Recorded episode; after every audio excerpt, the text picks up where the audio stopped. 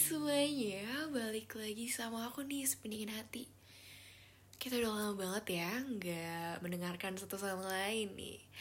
Mohon maaf sebelumnya aku jarang banget update Dan aku mau bilang makasih banget buat kalian para pendengar Yang masih setia buat dengerin aku dan juga selalu nungguin aku nih.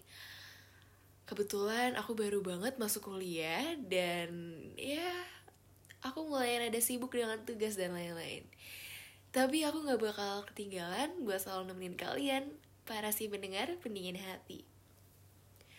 Oh iya, kalian pasti punya kan platform yang namanya TikTok. Media sosial TikTok yang pasti kalian banyak banget dimunculin video-video di For You page kalian. Kebetulan aku tadi baru aja scroll di TikTok dan aku menemukan satu video yang membuat mata aku tertuju dengan captionnya. Jadi dia membuat suatu video yang bertuliskan kecurahan hati dia yang berkata bahwa true love itu hanya dimiliki dan hanya akan datang pada orang yang cantik saja. Aku melihat tulisan itu pun aku sudah berpikir bahwa itu tidak tepat.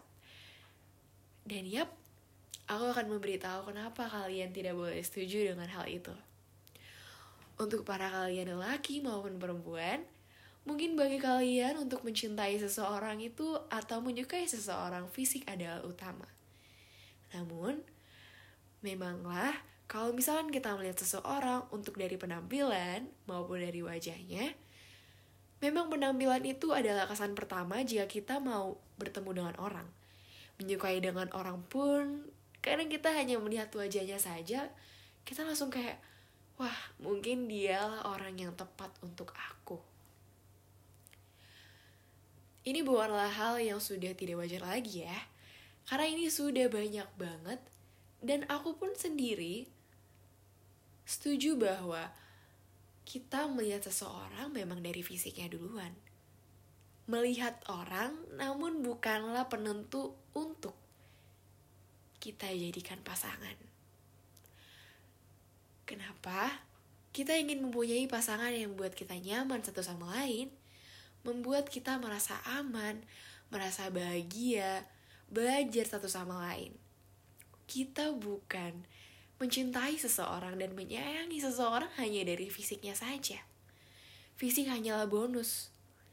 Fisik bisa memudar kapan saja. Namun, kepribadian kalian lah yang menunjukkan bahwa mengapa orang itu bisa suka sama kalian? Mengapa dialah bisa tertarik dengan kita?